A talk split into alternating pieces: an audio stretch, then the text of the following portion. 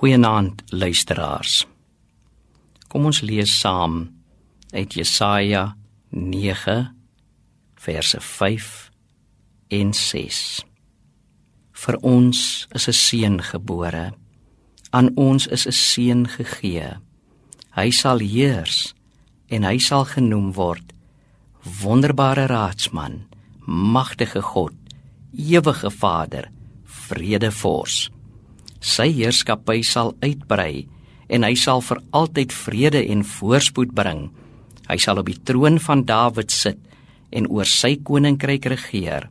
Hy sal die koninkryk vestig en in stand hou deur reg en geregtigheid van nou af en vir altyd. Daarvoor sal die onverdeelde trou van die Here, die Almagtige, sorg. Die Here van Kersfees wat na ons toe kom, is die profeet, die priester, die koning. As koning is die Here die een wat regeer. Soveel magte in die wêreld lyk eeu na eeu asof hulle regeer, die magte van sonde en skuld, die magte van siekte en sterfte, angs en bedreiging, seerkry en swaarkry, stikkindheid en sukkel, die magte van lyding en leed, maar ook politieke en ekonomiese magte, ook geweldenaars en uitbuiters in ons samelewing met al verskillende gesigte en gestaltes. Maar die koning van Kersfees het die laaste sê. Die koning van Bethlehem regeer. Hy het die hele wêreld in sy hand, van die kleine tere baba tot die groote heelal. Hy het die oorwinning behaal en omdat hy ons so baie liefhet, en niks ons kan skei van sy liefde nie, is ons meer as oorwinnaars in alle omstandighede.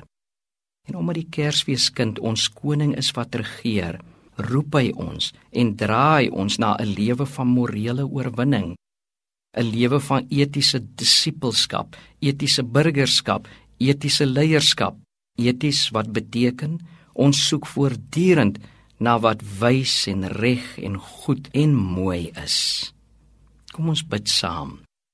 Here, dankie dat U koning is, dat U regeer. Help ons om dus te leef met die geborgenheid wat daardie wete meebring. Help ons om te leef met gehoorsaamheid aan ons hemelse Heer en koning. Amen.